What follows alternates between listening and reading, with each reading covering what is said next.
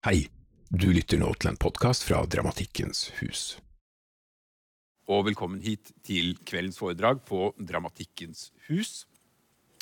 Og velkommen til Per Plato, som er kveldens foredragsholder.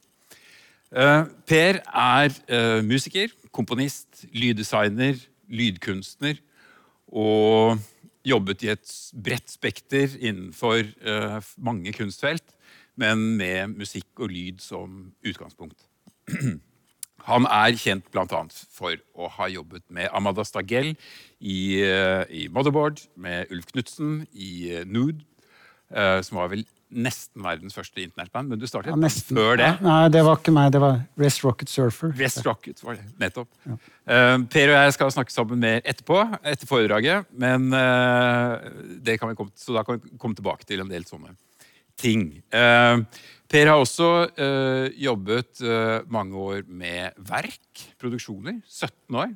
Ja, noe sånt. Ja. Så det er en betydelig volum, og vært leder på PNEK Ja. i 14. Nei, det var vel sju-åtte år. Syv-åtte år, ja. ja. Um, og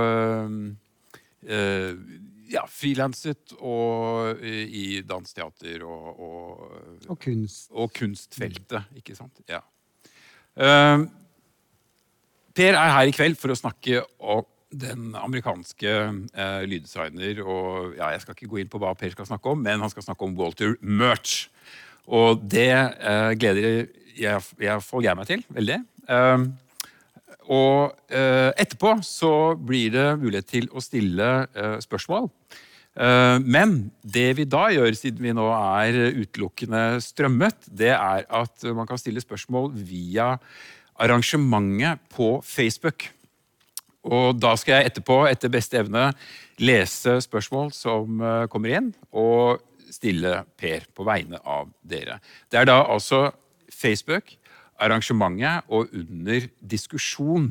Der er det et felt hvor det går an å sende inn kommentarer og spørsmål. Og med disse ord så gir jeg med dette ordet videre til Per Plato. Tusen takk. Takk. Ja, jeg sier takk for eh, invitasjonen. Og gleder meg til å snakke litt om en fyr som jeg har skjønt først egentlig de senere år har en som har betydd mye for mitt virke da, og mitt liv. Og det begynte nok egentlig med at faren min eh, tok meg med på Colosseum i det må ha vært rundt 1980 eller noe sånt. Eh, Og da var jeg ung. Da var jeg 15 år, liksom. Og mm, for å se en uh, ny storfilm som ikke han hadde sett, og visste han nok ikke hva han tok meg med på. Den het 'Apokalypse nå'. Eh, og den filmen har påvirket alt, eh, alt i livet mitt siden det. Eh, Walter Murch er jo kjent for egentlig flere ting. Han er kjent som klipper og lyddesigner, og for så vidt noen kaller ham filosof også. Men i dette, denne lille presentasjonen så er det nok mer hans virke som lyddesigner jeg da skal snakke om. Men jeg skal gjøre unna bakgrunnen og CV-en hans litt sånn kjapt i begynnelsen. Eh, Han er født i 1943, 12. juli 1943 i New York City, i Bronx. Faren hans, som er savnavn, eh, han var en kjent billedkunstner, eller maler, og med ordentlig rykte og stilte ut bl.a. på Whitney, og relativt kjent. Og farmoren hans var en veldig kjent også fra Canada, en kjent musikklærer. Som det ble laget en dokumentarfilm om faktisk i sin tid i, på 70-tallet en gang. Den het At 99, A Portrait of Louis Tandy Murch. Litt uti 1950-årene, da, da han var sånn eh, tenåring, tidlig tenåring, eller eh, kanskje til og med før det, så oppdaget han via en kompis eh, En kompis hadde fått seg båndopptaker, og som han, Walter Murch selv sier, så var han da en litt for ivrig gjest i det huset der. Han ble en, og brukte egentlig bare for å bruke den båndopptakeren. Ta opp ting, spille de av, ta opp nye ting, spille de av. Prøve å spille de av baklengs og sånn. Og så maste og maste og maste han til foreldrene og fikk til slutt en båndopptaker-tapemaskin selv. Han sa for deg, de kunne spare penger ved å ta opp låter fra radioen. Han fikk i hvert fall det til jul eh, som elleveåring, eller hva det var. da. Og så tok han opp selv. Tok opp eh, pling-plong fra rør, fra fugler, fra kling og klang og alt mulig som det går an å ta opp, og snakk og sånn. Men eh, en dag så kom han hjem fra skolen og hørte på radio noe som han syntes hørtes fantastisk og rart ut. Så minnet han om det han selv holdt på med. Og det var da en radiosending om eh, musikk konkret. Pierre Scheffer og Pierre Henri. Som da, altså Musikk konkret er jo da biter man tar opp små lydbiter av, eh, ja, av hva som helst, og setter de sammen i en slags assemblage. Uansett da, Som 18-åring begynte han å jobbe i en sånn regional eh, radio, drevet av en kirke tror jeg det var, i New York. Som, han jobbet som musikkbibliotekar og prodas. Og da var han blant annet, nei, Dette har jeg lest meg opp på Wikipedia. Han, eh, han eh, var blant annet med på den første livesendingen med Bob Dylan som 20-åring. En lang tolvtimers radiosending. Fra 1961 til 65 så studerte han ved Johns Hopkins University. Han studerte liberal arts, som det het. annet romantiske språk og kunsthistorie. Og hadde noen utvekslingsår i Frankrike og Italia. Så han ble en dannet mann. Han var en stjernestudent. Han øh, fikk et medlemskap i noe som heter jeg vet ikke om det uttales Phi eller Phi Beta Kappa Society. Som er en svært svært høythengende sånn liberal arts uh, fraternity, eller nesten en sånn brorskapaktig. da. Uh, han har ikke snakket mye om det selv, og det gjør man jo ikke. Men uh, i hvert fall den tiden i Europa den, sånn, den lærte han mye om kunstfilm. Om japansk film og europeisk film og indisk film. Han så på Kurosawa og Felini og Bergman. og og så gifta han seg med hun som han i 65. Senere har vært kona hans helt siden da, eh, med Aggie. Og bryllupsreisen var at de kjørte eh, over USA med på motorsykkel. Det er jo romantisk. Han kom nemlig inn også da på USC, University of South California, på filmskolen der i 65. Og begynte der sammen med bl.a. George Lucas, som også gikk i den eh, klassen der. da. Uh, og mer eller mindre i samme tid, og nå begynner jeg å dra inn det som skal bli en viktig del av hans karriere og liv. Uh, Francis Ford Coppola han begynte noen år senere, i 67, begynte han på UCLA, som er også en, en uh, da, filmskole i, i, Los Angeles i Sør-California. han var for øvrig også en sånn derre Phi, Phi Beta Kappa. dette var på en tid som var en sånn all time low i Hollywood. Så, så Walter Murch forteller at da han uh, Første dagen på filmskolen så fikk han beskjed av, av professorene første time, første lærerne sa til han var Hei, dere. Velkommen på skolen. Det er ingen jobber å få i Hollywood, og det kommer ikke til å være noen av dere som får jobb, så dere kan få tilbake skolepengene nå. Eh, men det gjorde, gjorde han da ikke. Så han gikk der, og de begynte å henge sammen. Eh, altså, det som, var, som, skjedde i Hollywood da, var at studiostrukturene var jo ødelagt faktisk av fagforeninger. Eh, som i USA er, er, fungerer litt annerledes enn her i dag, heldigvis. Men, men det, det, var dårlige greier. Det var veldig sånn derre hva det heter, inni sine bokser. Altså hva man hadde lov å gjøre, når man hadde lov å jobbe hva man hadde lov til å gjøre og si, og hvordan du kunne jobbe. og sånn. Så det ødela filmene, men også at studiostrukturene var dårlige. Alle trodde egentlig at TV var det nye, fordi film, filmverden var på vei ned i dass, egentlig. Så, så det var jo dårlige tider, sånn sett. Men for å unngå alt dette her, så, så flytta de til San Francisco for å unngå disse her gammeldagse strukturene.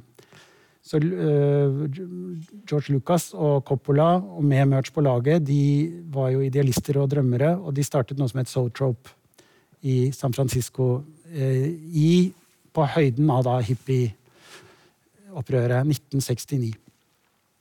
Og de bestemte veldig tidlig at lyd skulle være en viktig del av eh, uttrykket deres, både sånn emosjonelt og fordi det er virkningsfullt, og ikke minst fordi det er billig og kjapt å jobbe med, og billig. De hadde jo ikke penger, selvfølgelig, eh, noe særlig grad, noen av de.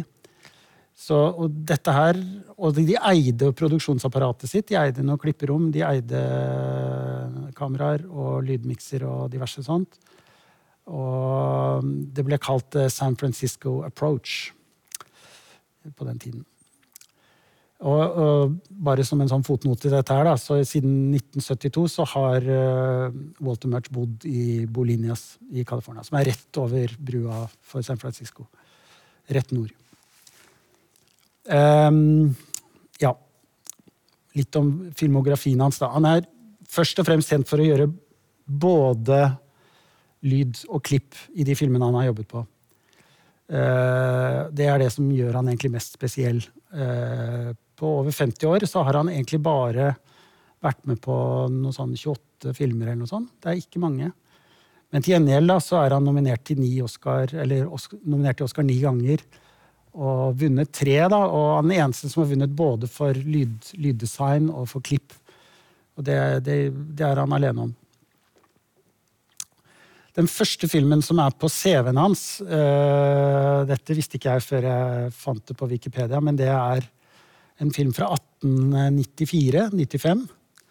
Det er verdens første lydfilm. Øh, musikkvideo. Uh, og den heter The Dixon Experimental Sound Film. Som er laget av en som heter Dixon, og Edison selveste. den er laget da som noe som kinetofon og voksrull. Og altså, det som er i den filmen, er egentlig at uh, de, har prøvd, de har klart å ta opp lyden mens simultant med at filmen ble tatt opp. Og det var første gang. da. Og det, det som er litt artig sånn i ettertid, var jo at mange hevder at den filmen het The Gay Brothers. Dette er litt omdiskutert, for det er to menn som danser, og en som står og spiller fiolin. Eh, men ordet gay sånn i, i, i, homoseksuell forstand eksisterte ikke på den tiden. Men ordet gay som glad eksisterte. Så dette, men det er i hvert fall noen som hevder at dette er også verdens første homofilm og verdens første musikkvideo. Så det er jo litt gøy, da. Og Merch, Grunnen til at jeg nevner den, er at Merch ledet an arbeidet med å restaurere den her på slutten av 90-tallet. Jeg tenkte liksom bare for gøy eh, at jeg skulle vise Hvis jeg har den klar her, så skal jeg vise den. Det er, to minutter, og det er eh, begynner stumt. Og så kommer dette lydklippet tre ganger på rad. Det er 17 sekunder med lyd. Egentlig er filmen litt lenger, eh, men her kommer den. Så da kan vi switche til video.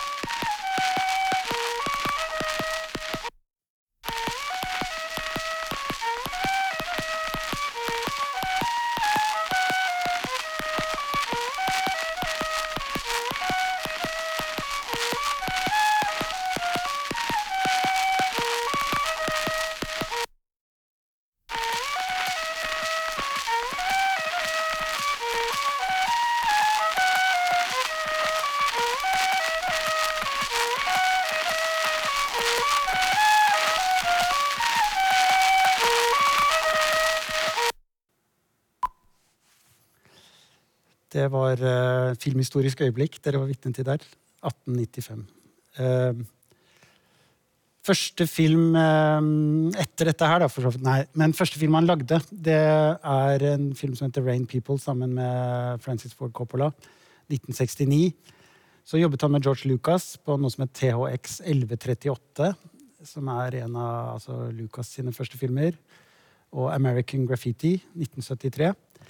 Men altså, det, disse er de han er kreditert for. Det, dette var jo et kollektiv, og dette trekker Walter Murch fram eh, hele veien, hvordan dette kollektivet jobbet. Eh, uansett hvordan ting funket. Coppola var den som ofte var eh, produsent, ofte også regissør. Murch var en slags rådgiver, post-production advisor, men han kunne jo klippe, men han kunne også Han prøvde seg å skrive, diskutere, så dette var nok litt mindre formelt enn det liksom Hollywood-systemet tillot. Um, American Graffiti kom i 73. Så var det The Conversation uh, av Coppola i 1974. Og det var den første filmen hvor, hvor Merch lagde både klipp, men også lyddesign. Eller det het jo ikke lyddesign da, det skal jeg komme litt tilbake til. Men, uh, og Coppola var liksom sånn Walter, uh, du er jo, jobber jo med lyd. Jeg syns du, du du, du, tar lyd på filmen. Du kan klippe den. Det, det tror jeg du kan. Og, altså Walter Murch har jo fortalt han var jo livredd, fordi selv om han var noenlunde trygg på seg sjøl, så var Coppola hadde jo hatt en viss suksess med den The Rain People og etter hvert eh, altså Gudfaren, ikke minst. da. Ikke minst Gudfaren igjen, som jeg også skal komme tilbake til. For han jobbet med Gudfaren igjen også, men da var han også sånn post production consultant. Um, men etter hvert har han da også jobbet uh, Altså den The Conversation med Hva heter han? Uh, Gene Hackman, er det vel? Uh, den var inspirert av Den handlet om avlytting og var inspirert av Antonioni sin blow-up fra 1966. Og, og den, The Conversation, da gjorde han klipp og lyd, og ble nominert faktisk for beste lyd eh, til Oscar på den. Etter hvert var det da Gudfaren-filmene, 'Apokalypse nå', som jeg også skal komme tilbake til, 'The English Patient', 'The Talented Mr. Ripley' eh, og en del andre kjente filmer. Den siste han lagde, var en dokumentar for ett eller to år siden om Iran. Eh, hvor han hadde script, og jeg husker ikke om det er klipp eller lyd. Eh, nå husker jeg ikke i farta hva den heter, men, men eh, det er i hvert fall det. Nå er jeg ferdig med CV-en hans. Uh, uh, han vant jo da Ja, nei, jeg skal komme tilbake til det. Men nå skal jeg vise en intro fra en, en dokumentar Oi, oi, oi. Vent. Logget maskinen min seg ut. En dokumentar om Walter Murch som kom ut for uh, i fjor, var det vel? Eller ca. et år siden. Den ligger eh, gratis tilgjengelig ute på nettet, på Vimeo. Den heter eh, Sight and Sound, The Cinema of Walter Murch. Er, eh, det, vi skal legge ut link til den i, på Facebook og andre steder etter hvert. Hvis dere ønsker. Men nå skal jeg vise de første minuttene av den, den filmen, så da tror jeg vi kan bare det er et klipp på ca. fire minutter eller noe sånt, de første minuttene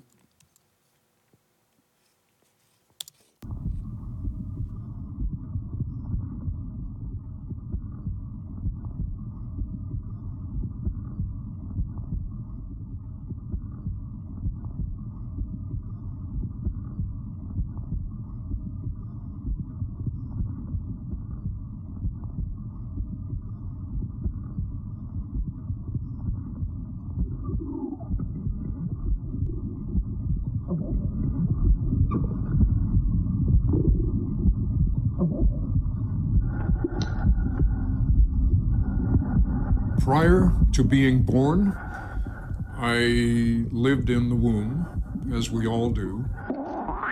And as we all do, I experienced the world through sound.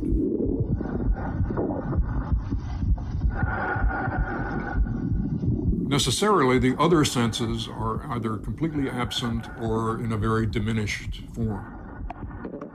It's a very rich 24 hour a day sonic environment. It never stops making sound.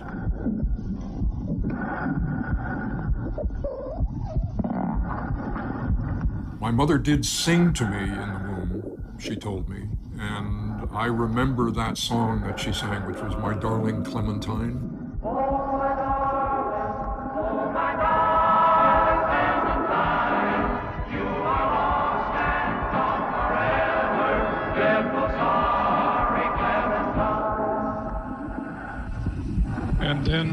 Suddenly, upon being born, the child experiences something that it's never heard before, which is nothing.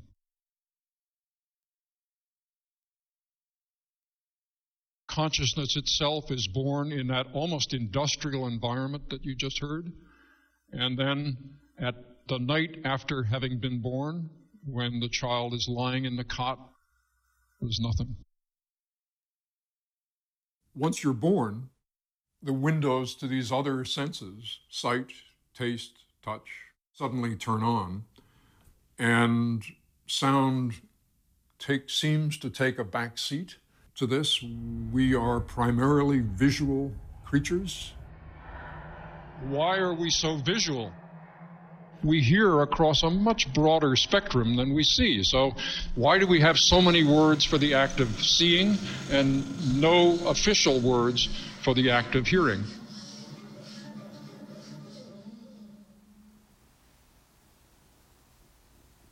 In the womb, there is no causality. It sound just is. When you're born, you start to begin to develop this idea that the sound is caused by something. I can't stand it. What we do, especially in film, is play with this concept of causality. What is causing that sound? Don't. I have no idea what they're talking about. No idea. Sometimes we don't know what it is, and there's a great deal of anticipation that comes with that. I love you. Other times it's simply uh, obligatory. You drop the glass and it makes a lovely smashing sound. And you understand that that smash is caused by something.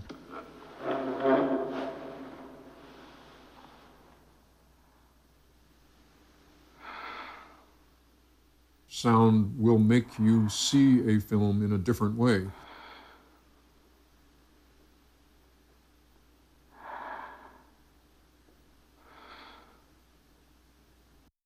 Det er en liten introduksjon de første fire minuttene av den filmen. Sight and Sound, The Cinema of Walter Murch. Eh, da skal vi til Apokalypse nå, som altså Han lagde både lyd og klipp. Historiene fra den filmen er jo, som de fleste av dere sikkert vet, uh, uendelig mange. Og det er jo som jeg sa i begynnelsen, jeg mener at det er den beste filmen liksom ever. Det er i hvert fall den som har betydd mest for meg gjennom livet, eh, på alle mulige plan. Både musikk og stemning og ja. Eh, veldig kort fortalt så er det jo en legendarisk produksjon. og Den ble startet ca. 1967, mens Vietnamkrigen ennå pågikk. og der han påpekt flere, i flere sånne foredrag og sånn, at det er veldig viktig å huske på at Vietnamkrigen faktisk pågikk da de begynte å skrive på dette. her. Og egentlig var det en, en, en som het John Millies, eh, som begynte å skrive en allegori over Heart of Darkness. 1967 var det. Eh, og da ryktes det at tittelen var The Psychedelic Soldier. Eh, men tittelen Apocalypse, Apocalypse, Now det var for øvrig en, eh, et hint til en sånn button som uh, hippiene i San Francisco gikk med på, i 1969, hvor det sto 'Nirvana Now'. Så det er en direkte hint til det. Apocalypse Now. Og egentlig så var det Dette er litt trivia, da, litt gøy, på en måte, men det var egentlig George Lucas som skulle lage den. Den skulle være på 16 mm i svart-hvitt og filmes i Stockton, California. Men eh, etter hvert som de jobbet med å skaffe finansiering til den, så, så ble George Lucas lei av å vente. Så tenkte han han skulle bruke det han hadde liksom tenkt ut, gjort av reginotater og sånn, og lage heller en science fiction-film isteden, og det ble Star Wars. Det er litt sånn artig, da. Eh, Coppola på sin side han var lei av å vrenge sjela si, som han sa, etter Gudfaren-filmene. Da hadde han laget de to første. Han var møkk lei, så han ville lage noe litt enklere. Og da gikk han i gang med Apokalypse nå. Og fullstendig da uten noe samarbeid, for dette var jo som sagt mens eh, Vietnamkrigen pågikk, så dro de til Filippinene, og amerikanske militære ville jo ikke ha noe med det å gjøre, selvfølgelig. De var der 15 måneder, og det er jo mange historier om hvordan de skaffet helikopter, leide helikopter fra filippinske hæren. Det var i riktig klimasone og terreng og alt mulig sånn. Og så fikk de helikoptrene om dagen, malte de amerikanske farger, leverte tilbake til filippinerne om kvelden, som igjen ble malt om i filippinske farger, ble brukt om natta, tilbake til Ja, sånn var det da. Og 15 måneders shoot, og de fleste har kanskje også fått med seg det kaoset og alt som skjedde under innspillingen der, og de som ikke har det, må straks gå og se Heart of Darkness, som er laget av kona Eleonar Coppola i 1991, som er også en av de beste dokumentarfilmene ever. I 1977 da, begynte Murch på postproduksjon. Han hadde vært én tur i Filippinene, lite besøk, eh, for å diskutere litt rundt filmen, bare noen dager. Eh, og da hadde han truffet en som het jeg tror han het Tomita, en japansk komponist som det var snakk om å bruke til, som filmkomponist. Han hadde oppdaget noe som het kvadrofoni, som eh, var et fenomen eh, som ja, Jeg vet ikke hvor populært det var, men det var i hvert fall noe som noen av oss hadde hørt om eh, ja, da jeg var ung. Så var det noe som het kvadrofoni, og det betyr rett og slett fire høyttalere. Og det mente han Tomita, han japaneren, at var veldig viktig. Og det syns Merch hørtes litt speisa, men egentlig litt kult ut. Så mm, eh, ja. I hvert fall, han dro Altså tommelfingerregelen da, da Murch kom inn på dette her i postproduksjon i 1977. Det, tomme, det, det, altså, Coppola sa 'I want to film to get stranger and stranger'. Og han advarte alle om at alle som blir med på dette prosjektet, blir gærne. Det er bra, sa han. Så han ville at filmen skulle bli gærnere og gærnere etter hvert. Og det var fire klippere på et eller annet tidspunkt, i hvert fall, tre hele veien, men på et tidspunkt var det fire. Han sa den mest gærne jobber med slutten. Det gir mening. Og så den minst gærne, osv. Og, og Walter, du er helt ny her, så du, du tar del én. Du tar begynnelsen. Ok. Det hørtes veldig bra ut, tenkte Walter Murch. Eh, elsket å jobbe i team, og som han har forklart mange ganger, at når man jobber, og spesielt på den måten som de jobbet da med den filmen, så man kommer jo inn i rytme til hverandre på en rar uh, en eller andre måte. Man, man begynner å altså De så, så jo hverandres klipp, de begynte å følge og sånn, men det var egentlig et salig kaos med en sånn shooting ratio, som det kalles. Altså, de tok opp Det var 1 til 100. Så på den to og en halv time lange filmen, eller hvor lang den er, så hadde de over 250 timer med, med filmmateriale. Og enda mer lydmateriale. Og Walter Murch sa nesten ingenting av det kunne brukes. Det var helt totalt ubrukelig. Det var eh, altså maskingevær liksom på teip i vinden i et helikopter. Det er ikke så interessant.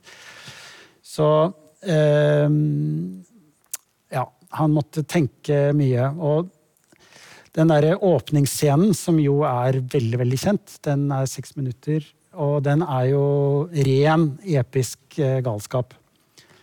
Egentlig er det jo Harvey Kittel som eh, Nå kommer sånn trivia dryssende her eh, hele tiden, men det var egentlig han som skulle spille rollen, da. Som, eh, som Martin Sheen fikk, altså om han Willard, Captain Willard. Men, men Harvey Kittel han klarte ikke å gjøre ingenting. Eller som var karakterens egentlig Han skulle bare Captain Willard han skal bare se på alt som skjer, han, og følge med og observere. liksom. Så han har egentlig en veldig liten rolle. Så det ble jo Martin Sheen. Han var jo fullstendig alkoholisert. Og åpningsscenen er egentlig en øvelse som ikke hadde med noen ting å gjøre. De skulle bare trene han opp. Han var, hadde drukket en flaske whisky eller hva det var. Lå på hotellrommet. Dette var bare en øvelse, sa Coppola. Tok kamera og filmer det derre slå i speilet, knuse speilet, alt det der greiene der. Eh, Helt live. Blodet er ekte, speilet er ekte. Han var kanakas og, gal, og det var ikke bra. Ikke sunt. Det var ikke HMS-reglene ble ikke fulgt. Um, Og så er det jo også masse andre ting, sånn som den eksplosjonen som også er i Jeg kommer ikke til å vise dette, er, dette er kjent og kan finnes på YouTube og overalt. Men det er en stor eksplosjon som vises i bakgrunnen der. Og det er visstnok, i en trivia, eh, den største filmeksplosjonen ever. Den største eksplosjonen som er laget på et filmsett noensinne. Den var ett av seks kameraer de hadde, da, som filmet den i sånn høyoppløselig sakte film. Og det ble jo brukt, da. Og ja, fadet over i hverandre. Og så ble det bestemt på et eller annet tidspunkt at fortellerstemmen den skulle ut. Og det var et problem for Walter Murch. Han prøvde og prøvde og prøvde. Han prøvde med musikk, han prøvde med alt mulig rart. Eh, til slutt endte han med å lese den inn selv. Han protesterte mot det som var bestemt, at fortellerstemmen skulle ut, og leste den inn sjøl. Og senere så fikk han jo da Martin Skinn til å lese den inn på nytt det samme Doors-musikken. altså Coppola hadde jo gått på UCLA sammen med Jim Morrison, og de var venner. Og han hadde tenkt å bruke Doors-musikk gjennom hele filmen. Uh, Walter Murch prøvde det gang på gang på gang. og Den scenen, den scenen, den scenen. den scenen. Ingenting funket. Bortsett fra i begynnelsen. Og som han sier, det ga akkurat sånn passe gæren mening å spille The End i begynnelsen. Det var en passelig passelig liksom, start. Men ellers så ble det for direkte kommenterende. Og det er jo en sånn ting som jeg og mange som jobber med lyd, syns er litt plagsomt i en del av dagens produksjoner. At det blir, at det blir for liksom, direkte kommenterende, både musikkbruken og sånn, da. Men um, ja. Altså eh, Begrepet sound design, det er coinet, som det heter. Den er funnet opp på en måte av Walter Murch. Eh, da de skulle lage credits på Apokalypse nå. Eh, det er en slags lydregissør. Han er overordnet ansvarlig for lydbilde og dramaturgi i kall det lyd og stemning. Og det kommer på en måte begrepet kommer fra montasje, som jeg har sett at Walter Murch har kreditert seg selv på en del av de, noen av tidligere filmene. Montasje som jo eh, måtte jeg slå opp for å finne en definisjon, og da kom jeg til videregående pensum. Det er passet i tredje vidd. Montasje betyr å sammenføye ulike elementer til en ny helhet. Montasje i film handler om å sette sammen ulike bilder eller lyder for å oppnå en bestemt effekt. Montasje som filmatisk virkemiddel ble utviklet i Sovjetunionen på 1920-tallet. Annet av han Sergej Eisenstein. Men også tilbake til dette klippet vi så i denne begynnelsen av dokumentarfilmen om han, så er jo det at lyden er den første sansen vi utvikler. Så har jo mange kalt det liksom dronninga av sansene, da. Kongen er eh, synet. Altså Han blir dominerende med en gang vi kommer ut. Så blir født for de fleste av oss. Så i det vi ser og sånn, så er synet er overordnet i vår kultur. Og for de fleste av oss så blir dominerende og tar tronen, som det har blitt uttrykt. Mens dronninga smyger ut blant teppene, men hun beholder kronen. Det er et fint lite sitat der. Etter hvert som filmmediet utvikler seg, så hevder jo Murch og Coppola og George Lucas og flere at lyden er eh, så viktig for det emosjonelle dybdeperspektivet at den egentlig styrer hvordan vi som tilskuere oppfatter det som skjer i en film. Vi ser og hører ikke en film, men vi hører, ser den. Film er visual music.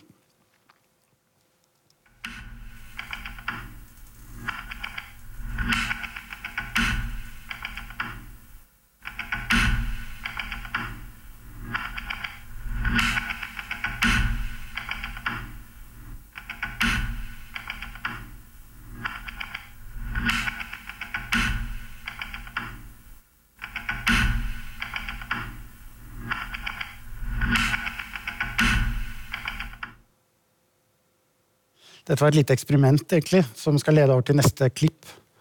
For dette handler om Egentlig, dette var jo et pinlig kanskje forsøk. Kanskje det funka, for alt jeg vet. Men det finner jeg ut senere. Men liksom at et bilde med en hvilket som helst lyd vil kanskje gjøre noe med det bildet. Og en person som på en måte har et uttrykksløst eh, ansikt vil man, kunne, man kan farge det selvfølgelig med lyd. Det er, eller musikk, for så vidt. Det er eh, velkjent.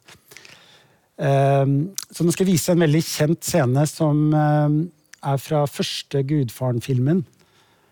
Og det er en scene hvor Michael, altså Al Pacino, kommer inn i en restaurant for å treffe en annen fra en annen mafiafamilie.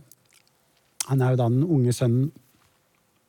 Og vi vet på en måte fra tidligere i filmen at noe skal skje eh, og Dette kan jo jeg spoile nå, for, det gjør, for dette vet vi i filmen. at han, Meningen er at han skal skyte Han skal finne en pistol som er jevnt på do, og så skal han eh, skyte de to som han er og spiser middag med. Vi ser klippet, så kan vi snakke litt om det etterpå. Da kommer det filmklipp.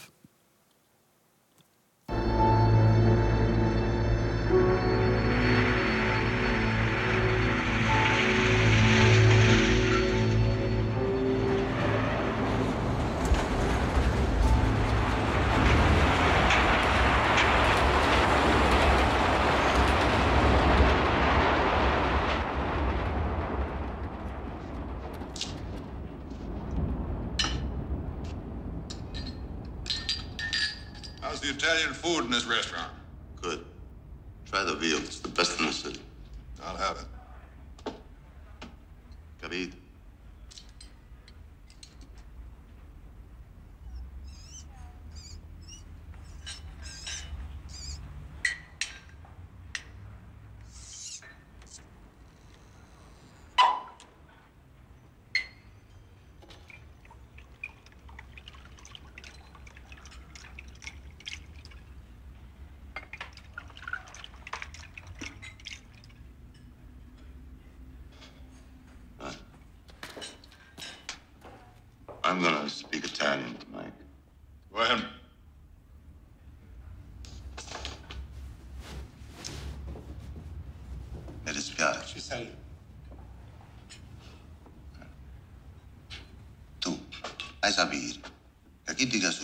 Tra me e tuo padre fu una cosa di business. Io hai un grosso rispetto per tuo padre, ma tuo padre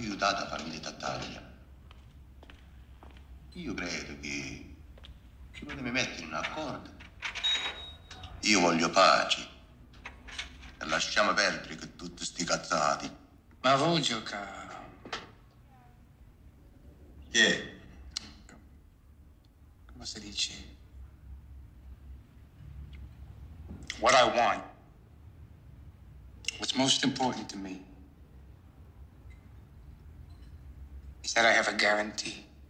No more attempts on my father's life. What guarantees can I give you, Mike? I am the hunted one. I missed my chance. You think too much of me, kid. I'm not that clever. All I want is a truce.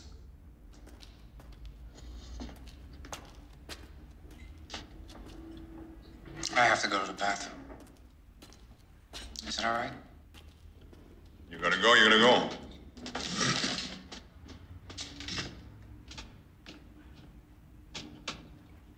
Christian?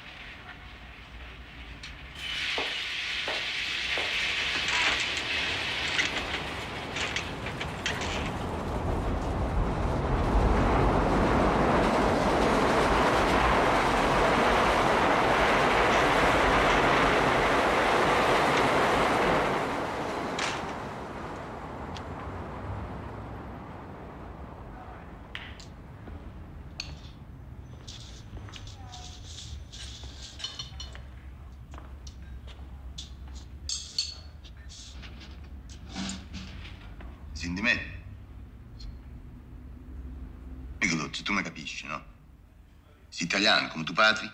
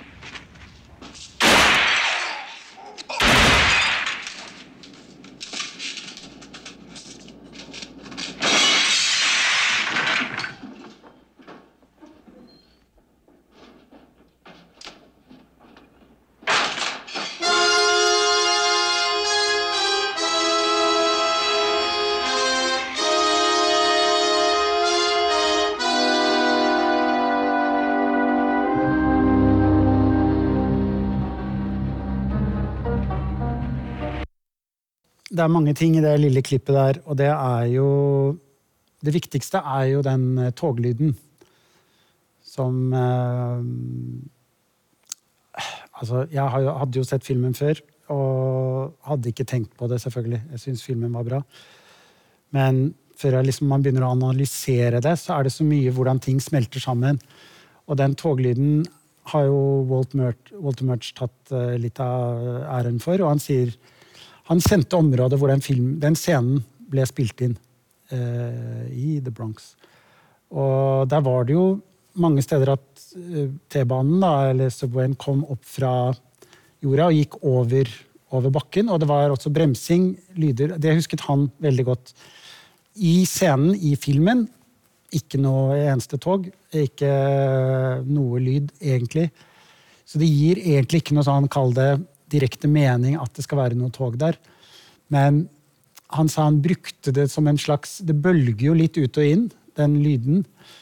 Og derfor gi en slags en Bernhard eh, Herman-aktig effekt. Det kunne vært liksom fiolinene fra Psycho, men isteden så er det denne toglyden og togbremsene som blir selvfølgelig høyere og høyere i det eh, I det han eh, har et ganske uttrykksløst ansikt og rett før han skyter disse to, da.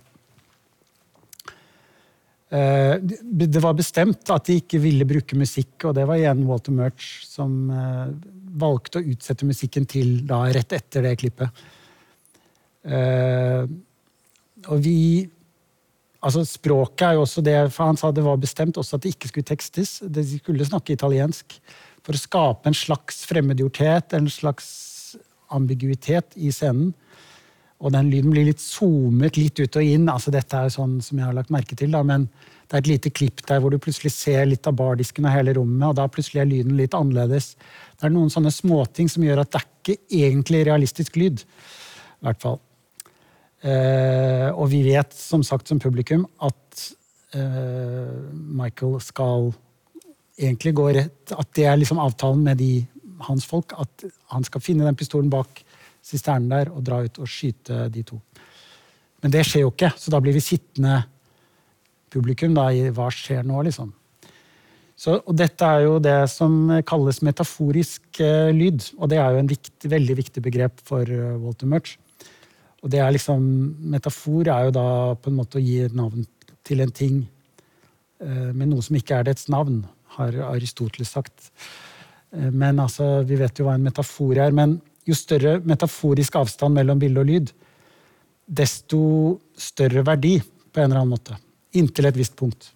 For hvis det blir for, lang avstand, så blir det, da mister vi hele connection. Da, blir det bare, da må man jobbe som publikum for å skjønne i det hele tatt hva som skjer. Men inntil et visst punkt, jo større den avstanden er, jo mer plass blir det til å lage et rom hva denne scenen betyr, hva den kan bety. Eh, og rent persepsjonsmessig så trekker jo denne her verdien her, da, den trekker seg Den unndrar seg fra all mulig sånn analyse. Og egentlig sensorisk så kan det jo sammenlignes med de to flate bildene vi får fra hvert øye, som smelter sammen i hjernen vår, og som gir et bilde med det vi kaller eller oppfatter som dybde i, i rom. Eh, og det samme gjelder jo her, da. At eh, det blir en dybde i fortellingen, kan du kalle det. Eh, I teater er det jo dybde i, i rommet i seg selv, men, men, nå snakker vi om film akkurat her og nå. Og dimensjoner finnes selv, selvsagt i virkeligheten, men vi har også skrudd sammen sånn at dybdedimensjonen egentlig er unik, ikke bare for oss mennesker som sådan, men for hvert, hver enkelt av oss. Så er det liksom skrudd sammen litt forskjellig. Og det er litt interessant at denne dybdedimensjonen er egentlig på en måte kan kalles en slags hallusinasjon. Eh, for den, den fins egentlig bare her. Men samtidig så sniker den seg unna hjernens eh, alarmsystemer, for å si det sånn, sånn at vi, vi, vi, tror ikke vi er gale, selv om vi egentlig hallusinerer. Og vi gjør at vi får følelsen at denne lyden, eller det, denne stemningen av den koblingen mellom lyd og bilde, den kommer utenfra, og ikke fra vårt gale hode. Så det er den metaforiske lyden som er sentralt i alt dette lyddesignarbeidet som Walter Murch har stått for. Uh, han sier jo også, han snakker om klipp, f.eks., og, og rytme og sånn, at, at det er en slags øvelse i kroppen. At han, han gjør det alltid. Han jobber stående. Og han sier at han, han føler et, et uh, klipp uh, i kroppen. Han, han, prøver det ut mange ganger og gjør det med kroppen. Liksom han føler at på det han tar av lyden, jobber, ser scenen, der skal han klippes. Og så prøver han det flere ganger, så ser han om han treffer samme sted. Hvis han treffer samme sted fire ganger, så da er det der. Men hvis det varierer, så må han jobbe og tenke og finne ut mer, da. Um, ja, så nå kommer et par sånne begreper. Uh, det ene er et begrep som heter konseptuell resonans. Og det er jo at Den metaforiske lyden den påvirker hvordan vi ser bildet, som gjør at vi forstår lyden annerledes igjen, som påvirker, igjen påvirker da hva vi ser, som påvirker tilbake. Så det blir en sånn evig, evig dans, på en måte. Og i denne dansen, når man snakker om klipp og også musikk, så, eller montasje, da, som man kanskje kan binde sammen uh, dette, disse begrepene, så handler det om timing som han Mørch har sagt i et foredrag også. Det er som en god vits.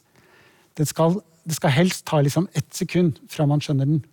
Men hvis, hvis, du ikke har ledd etter fem sekunder, eller ti, så er det kanskje en dårlig vits. Så det er veldig sånn rytmikk og timing. Og det vet jo selvfølgelig folk som jobber med teater og live. Og musikere, ikke minst. Eh, det vet man alt om. Timing. Så han, uh, igjen dette tilbake til det han sa i stad, at, uh, at, film er virtual music, egentlig. Og ofte, som han sier, er det rene tilfeldigheter som skjer. Fordi vi har et det er et begrep som heter synkresis, som er en blanding mellom synkronisitet og syntese. Og det er at Og det var kanskje det jeg prøvde litt på i stad også, når jeg står og blunker og og ellers prøver å være blank, som jeg sikkert var veldig dårlig til. Men så kommer det noen lyder. Så hjernen vår, eller til dere som ser på, eller til publikum, vil gjerne koble sammen. Så man, vi jobber sånn, er vi laget fordi vi tross alt kommer fra naturen og smeller det i bordet, så, så er det ikke noe problem. Er det en som smeller igjen en dør? Det er det enkle. Men man kan jobbe da mot dette her. Og selvfølgelig hvis man legger inn dørsmelling i enhver uh, rar, stille pratescene, så vil jo ikke det funke. Men andre typer lyder kan funke i metaforisk forstand. da. Murch han beskriver jo dette klipp og montasje som en slags psykologisk øvelse, der hensikten er liksom å eh, forutse og til en viss grad kontrollere hva publikum ser og hører, eller føler. da.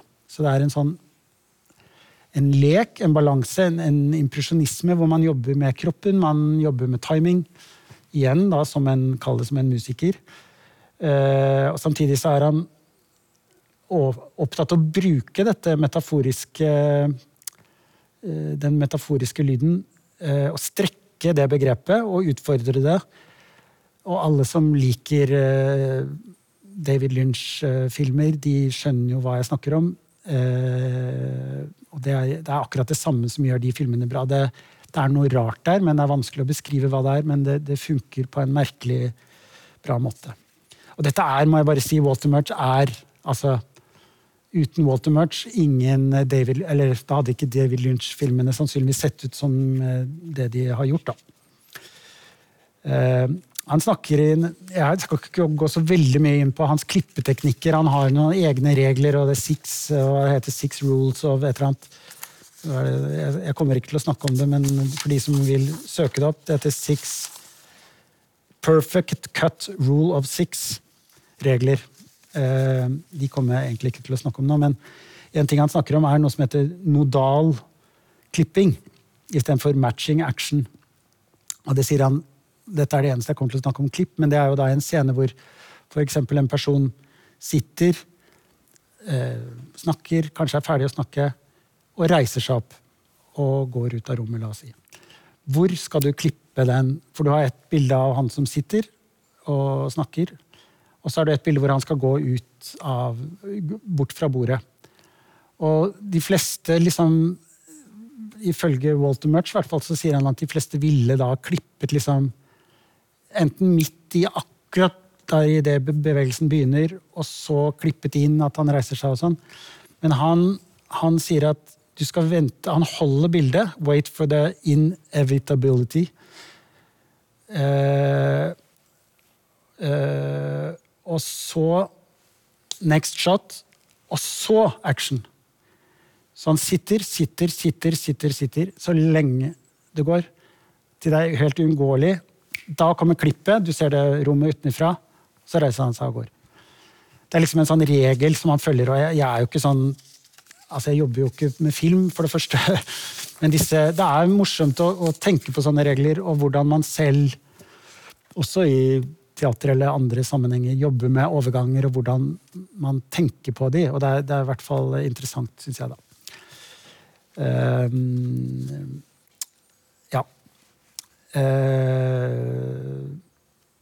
ved å stå, når han gjør alle disse stå oppreist, så mener han at kroppen er mer connected. Da. Han klipper alltid uten lyd først, og så få tilbake materialet med lyd og musikk noterer litt hva som funker. Så sier han ja, 70% er bra, 10% er helt uh, feil. Og så kommer de 15-20% som er interessante. For der har det kommet inn tilfeldig klipp eller reverse shot, du vet sånn eh, som er når man har en dialog mellom to personer på film, og hvordan aksen er på de og sånn. Men med, kanskje med lydsporet. Men at det plutselig kom inn en rar lyd i et klipp. Og der, der er det ofte veldig interessant. Og han, han, er jo, han, er jo, generelt veldig sånn for at du må kill your darlings. Det betyr å ta bort ofte de beste scenene, sier han. Dessverre. Han er jo veldig lei for det og gråter nesten når han snakker om det, men han sier at det er så mange nydelige scener de har laget. Men det, det er for bra for den ferdige filmen. Uh, så de må ut, for ellers vil de lage en slags ubalanse.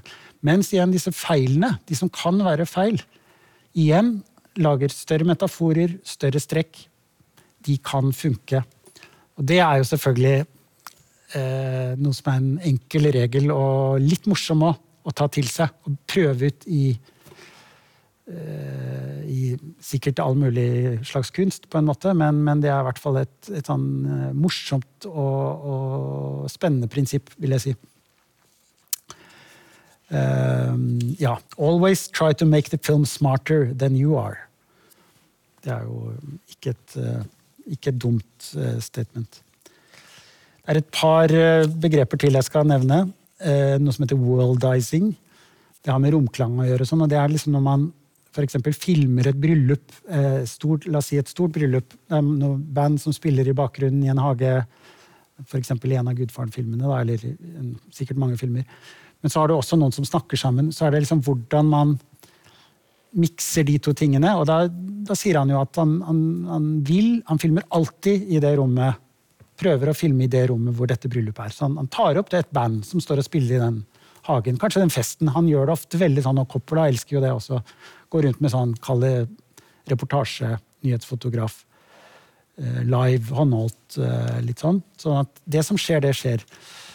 Eh, men så tar han opp det, og så, og så så tar han opp selvfølgelig dialogen senere, som vi skal høre. Men så mikser han mellom disse nivåene.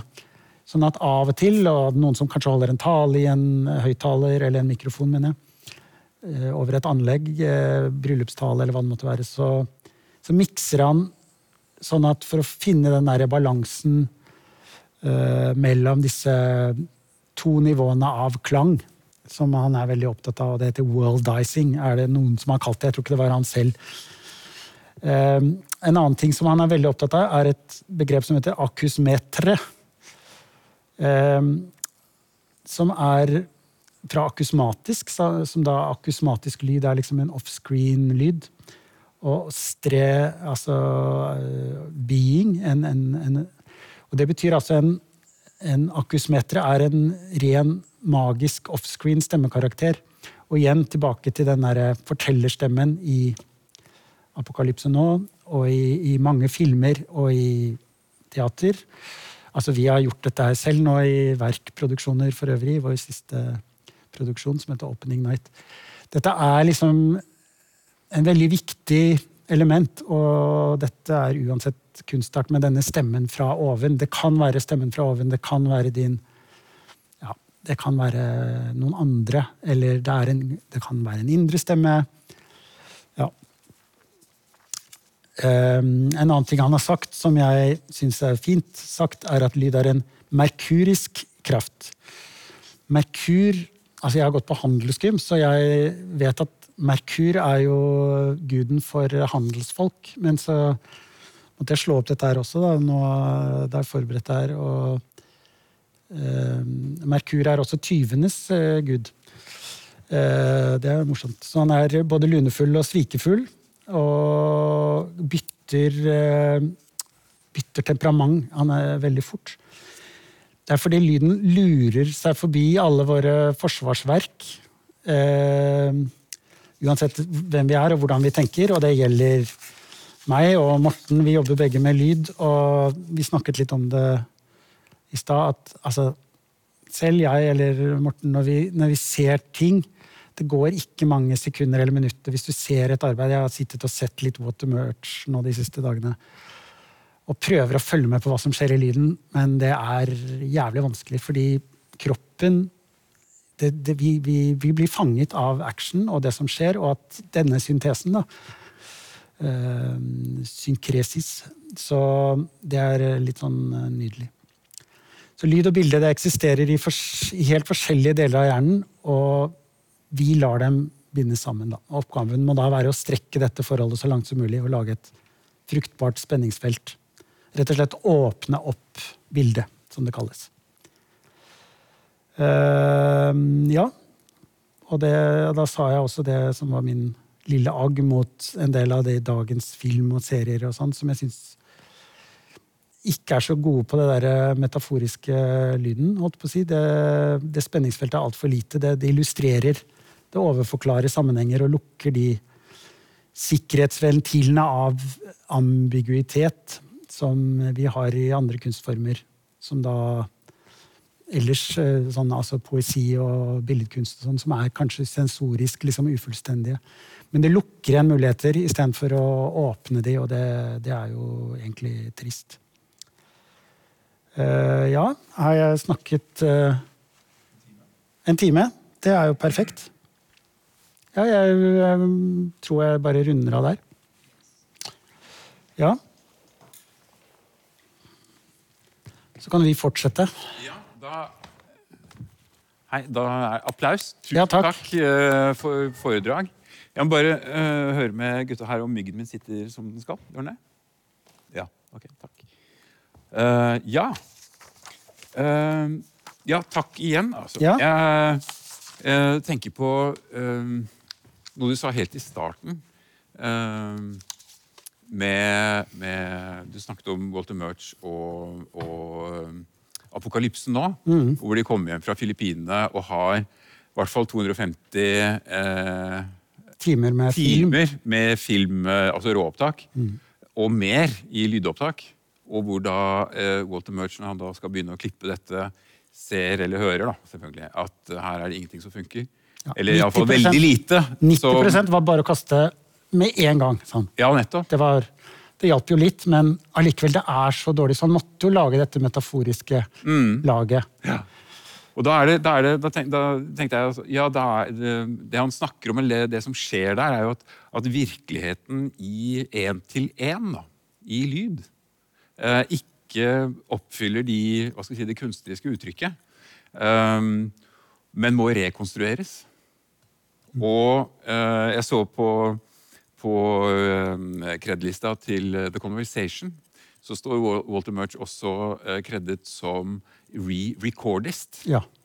Sånn at han har liksom vært tilbake på location eller eh, på annen måte rekonstruert Han gjorde det hele tiden. det lydbildet som, som skal til.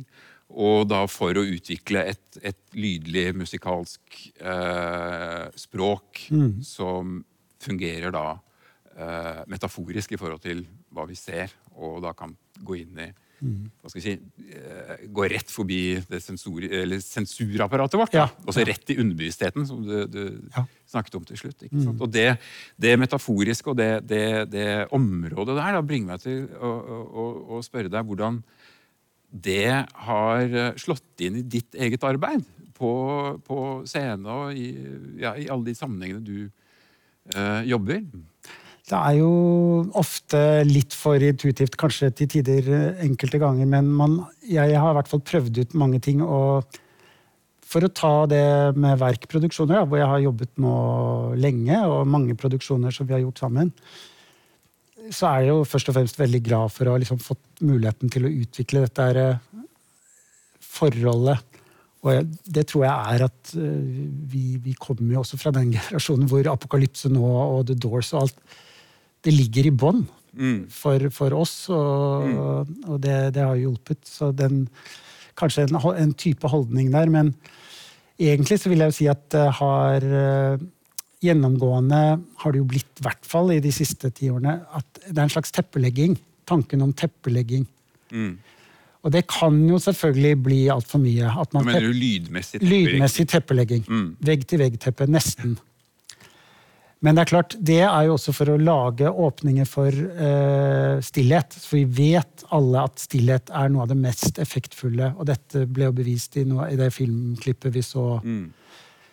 Så, uh, så den teppeleggingen Og det kan jo være alt fra veldig sånn direkte, la oss si den Ifegeneia, Finn Junkers Ifegeneia som vi gjorde, som var en av de den andre eller tredje jeg var med på med verk. Da, da satt jeg på scenen, spilte litt snutter av noe Carpenters og eh, Vi spilte litt musikk fra egentlig kanskje rundt den tida og sånn.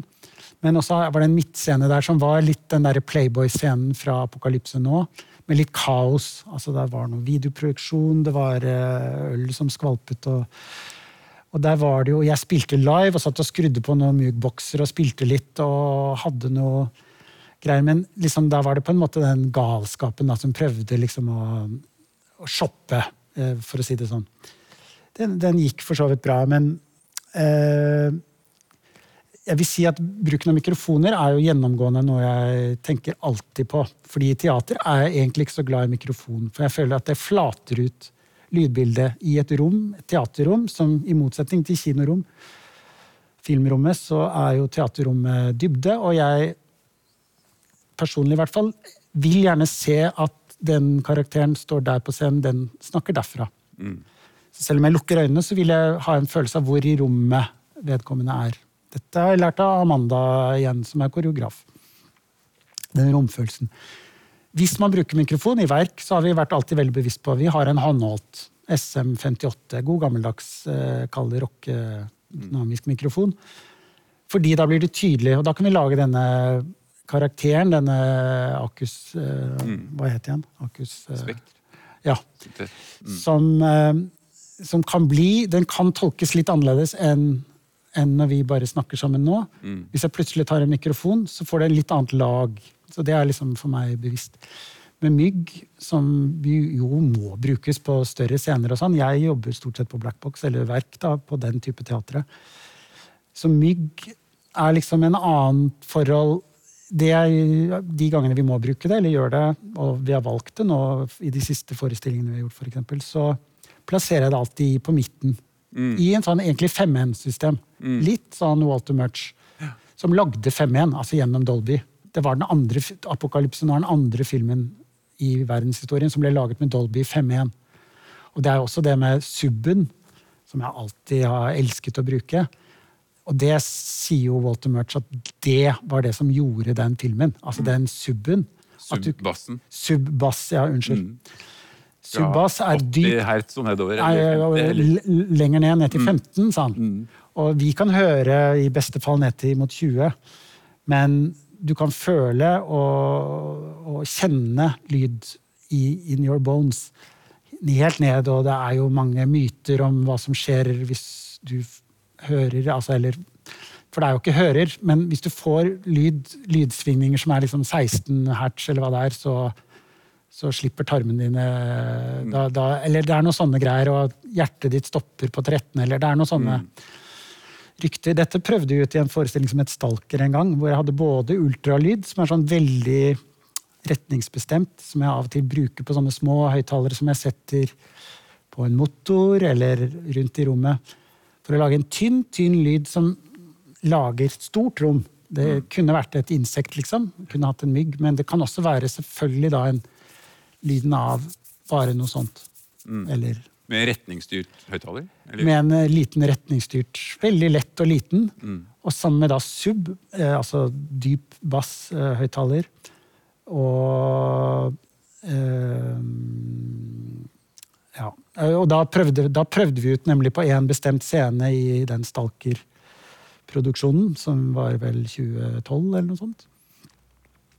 Da eh, var det en midtscene hvor det ble helt mørkt, og det kom på voldsom lyd. Jeg satt med en synt og skrudde og masse lyd på en gang. Masse sub, masse Det ble klin mørkt for publikum, og noen vifter som går på.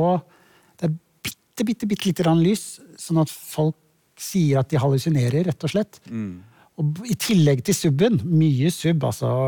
Jeg satt jo ikke der nede, så jeg håper ikke jeg har ødelagt noens hjerter eller nyrer eller noe sånt, men men jeg satt også på en sånn eh, transducer, basshøyttaler, på scenen, som gjorde at den Konstruksjonen konstruksjonen sånn at i bunnen? ja, så den, liksom I teorien skulle den lage lyder ned til 13-15. Det har funket noen ganger, og folk sier i hvert fall at de har fått helt noia på den scenen. De, de, de har egentlig lyst til å løpe ut, men de, det er så mørkt at de tør ikke, så de sitter bare og liksom lukker øynene, og det hjelper ikke å lukke øynene. Og, altså, så det der Ja, men når det rister Ja. i, i rommet, eller det er en bevegelse som ja. uh, Så det er liksom noen eksempler. Noe annet er eh, en produksjon vi hadde for fem år siden eller sånt, som het Wishful Beginnings, som var scenografisk veldig på en måte rar. Eller da hadde scenograf Signe Bekke satt opp en trevegg over hele scenen, sånn at skuespillerne hadde egentlig bare Ja, ja, to meter. og- ja. Ja. Mm. Eh, men ikke sant, i et ordentlig blackbox-rom så er det i hvert fall Da var det vel i en gymsal, men Ja, på ja. ikke gymsal, men sånn ja, eh, for, ja. men, eh, men det at de hadde så liten plass, gjorde jo tvang fram en bestemt type spill. Men så da hadde jeg på bak, bakveggen laget sju små sånne transducer-høyttalere med veldig sånn tilfeldig lyd. Jeg hadde tatt opp en sånn DVD med seks spor som gikk litt tilfeldig. Den gikk bare i loop. Med masse forskjellige rare små lyder. Litt skraping, noe treverk som ruller, noe samplet et rør her og der. Noe litt fra en Matthew Barney-film mellom to scener hvor de snakker. Altså det er alt mulig sånn tilfeldig lyd, som, som ofte gjøres også på 5.1-film. da. Eh, I disse surround-høyttalerne. Det er veldig sjelden stille der. Det er veldig sjelden stille på film òg. Det, er- det er liksom litt, litt småting. For stillhet er jo helt unaturlig for oss. Total stillhet. Og de av oss som har Ja, og da er det annen lyd i salen som slipper til òg. ja, og det er jo det. Så stillhet det er jo John Cage har illustrert perfekt, men også de eh, som har prøvd å gå inn i sånn an, hva heter det, anarkolisk rom, Ja, ja. hvor, du ikke, hvor det ikke er noe lyd. Det er jo en veldig en ubehagelig opplevelse. Mm. For man hører jo hjerte og blod. Du, du hører faktisk den holdt fosterakt. Du får den følelsen, for du hører Og så blir man litt får kanskje litt angst. Det betyr at du hører den mer og mer, og så jazzer den seg Altså, man jazzer seg selv opp. Ja. Men sånne ting eh, Så det å bruke mye sånn tilfeldig lyd og et, litt mye teppelegging, men noen ganger så kan det være et kjøleskap som er på, en kjøles viftelyd, sånn som vi har i rommet her. Jeg hater jo sånne ting når jeg kommer i et teaterrom selv. Men, men jeg vil gjerne legge det på, for da kan jeg ta den bort. Sånn at på den scenen så plutselig så forsvinner den. Jeg kom til å tenke på, Er det ikke en scene også i, i Apokalypse hvor det er to Det er i hvert fall en sånn, det er mulig jeg har laget det, eller forstørret det i hukommelsen, men, men det er eh, den forfølgelsesscenen Eller det er eh, De kjører oppover eh, elven, og så går de i land på et sted de ikke burde gå i land. Det er den som ender med en tiger som kommer ut. Å ja, det der, ja. ja. Og der ligger det to lyder ja, det, som ja. delvis blir eh, fjernet. Og først er det en veldig veldig høyfrekvent, tynn lyd. Ja. Eh, nei, den henger lengst, men først er det den bassen som forsvinner. Bare en lav, lav Mm. buldring. Eh, sånn at gulvet forsvinner under deg. på en måte. Men du fortsetter å henge i den tynne lyden. Det er det. Og du henger er jo- i syltynn lyd som du egentlig ikke merker at du hører. Ja. Og så tar de den lyden. og da faller du. ja. Så den Altså, fysiske opplevelsen er jo Ja. også det du forteller at du jobber med, med i, i verk, eller i disse produksjonene. det er jo ofte live. ikke sant? Vi har jo Ja. selvfølgelig øvd og masse masse, masse, masse på bilder og på overganger og alt mulig sånn, men, men det er jo det at vi prøver liksom ikke å illustrere altfor direkte. Eh, liksom, og heller legge inn sånne metaforiske lyder. Og det kan jo være at det er bare ren latskap, men også en slags improvisasjon. Sånn at jeg har en viss palett å bruke, i hvert fall i de og de scenene, som jeg liksom da prøver ut en helt annen så, Men litt også for at de som er på scenen, lytter på en annen måte. For det er liksom ikke, De vet ikke helt hva som er, og de, de skal måtte forholde seg på en måte til, akkurat som vi forholder hvis det smeller der. Så snur vi oss. Så det er en litt Så du jobber hva skal vi si, musikantisk da, også Ja, med ja, eh, og det gjør musikker? skuespilleren òg. Ja. Eh, så vi, vi har en slags eh, Kall det en eh, slags hemmelig kommunikasjon der. Mm. Og som, som jeg muligens åpner opp, da, som jeg har hørt noen skriver eller sier om det vi lager, uansett om de liker det eller ikke. Men, men at det liksom, det åpner i hvert fall opp. Uh, og noen ganger så funker det, det vet jeg i hvert fall. Eh, ja. Vi skal se om det har kommet noen eh, ja. Da må jeg ta på meg brillene. Eh, Klarer du dette, Morten? ja, dette, altså! Skal vi se. Facebook her. Aha, aha, aha, aha.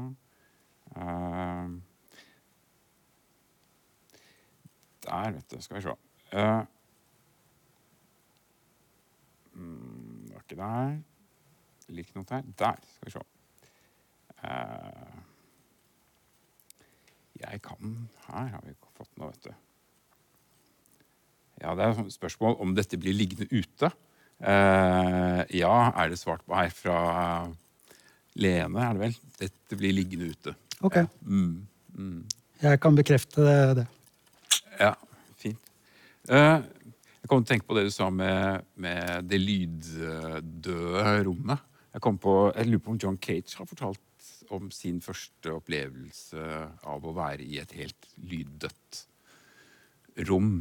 Uh, og jeg lurer på om det første som liksom, Eller iallfall dette var på Harvard eller MIT.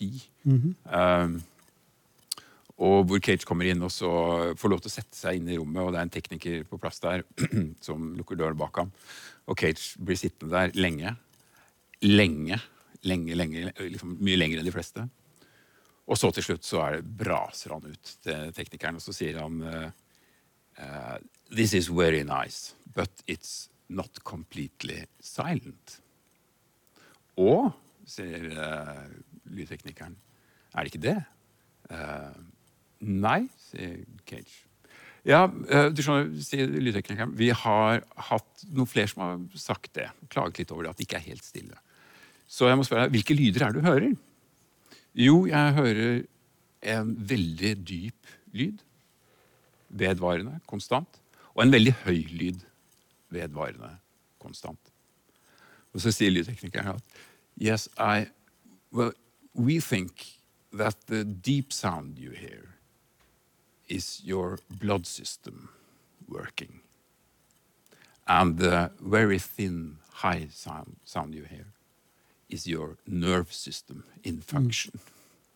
Så hvis man greier å bryte inn i de uh, Og det er jo det du forteller du egentlig jobber med. da, eh, en metafor, Et metaforisk rom. Eller det også gjennom en metafor lage et rom hvor kroppen, eh, både fysisk og sanselig på mange måter, da, er til stede også da i en sånn dans og samspill med det man ser Ja. og opplever i rommet. Så jeg, jeg, tror, jeg, tror veldig på det der at uh, Ja. At den virkeligheten som alle som har sett eh, teater Altså, film er jo én ting, og jeg mener virkelig at han er liksom den viktigste personen, eh, eller har vært da en av de viktigste til å etablere den type tenking rundt film. Eh, men i det, det kan jo overføres uten at man må følge det slavisk, eller noe sånt, men bare å åpne opp disse rommene litt. For jeg må nok si at jeg syns mye teater er uhorvelig konservativt på bruken av lyd. Altså Det er i beste fall lyden av eh, noen fuglekvitter når vi sitter i en park og snakker, og et smell i en dør idet eh, elskerinnen kommer inn. Som eh, eh, illustrasjon av eh, ja, liksom litt sånn. Og det er klart, vi, vi gjør det også av og til som, som en slags lek. For å bare vise at vi, vi kan. De, vi vi syns det er gøy med Mickey Mousing av lyd. Og Mm. også sånn lyd altså, som kan være liksom at du går, og så kommer det i lyden liksom, en helt annen lyd i det du tråkker, som er sånn Mickey Mousing. Mm. Vegard Winge og Trond Reinholdsen har jo gjort masse av det der, og det er jo fantastisk og veldig gøy. Det funker jo liksom Det er jo sånn barne, barneteater. men Mm. Det blir på en måte en sånn ny runde rundt det. altså Det blir Ja. too much, liksom to be true. Ja, det kan, det kan definitivt bli for mye, men, men det er gøy å leke med virkemidler. Det er jo kanskje det som kjennetegner, tror jeg, da, i hvert fall verk. At vi, vi er jo på en måte veldig sånn opptatt av teater. Og teaterrommet og teaterets virkemidler. Mm. Så det er litt sånn metareferanser, men, men samtidig så bryner det seg jo på tekster som handler om ofte noe annet. Så mm, ja. Så ja. Nei, men det er, eh, det er jo et slags privilegium å jobbe med lyden, fordi man, man jobber jo litt, litt usynlig. Eller bokstavelig talt kanskje usynlig.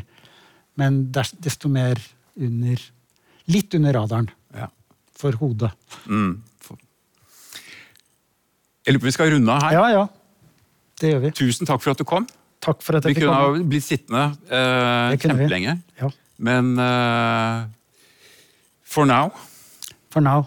Tusen takk. Takk. Og takk til alle som har fulgt oss på internettet. Du har hørt en podkast fra Dramatikkens hus 2021.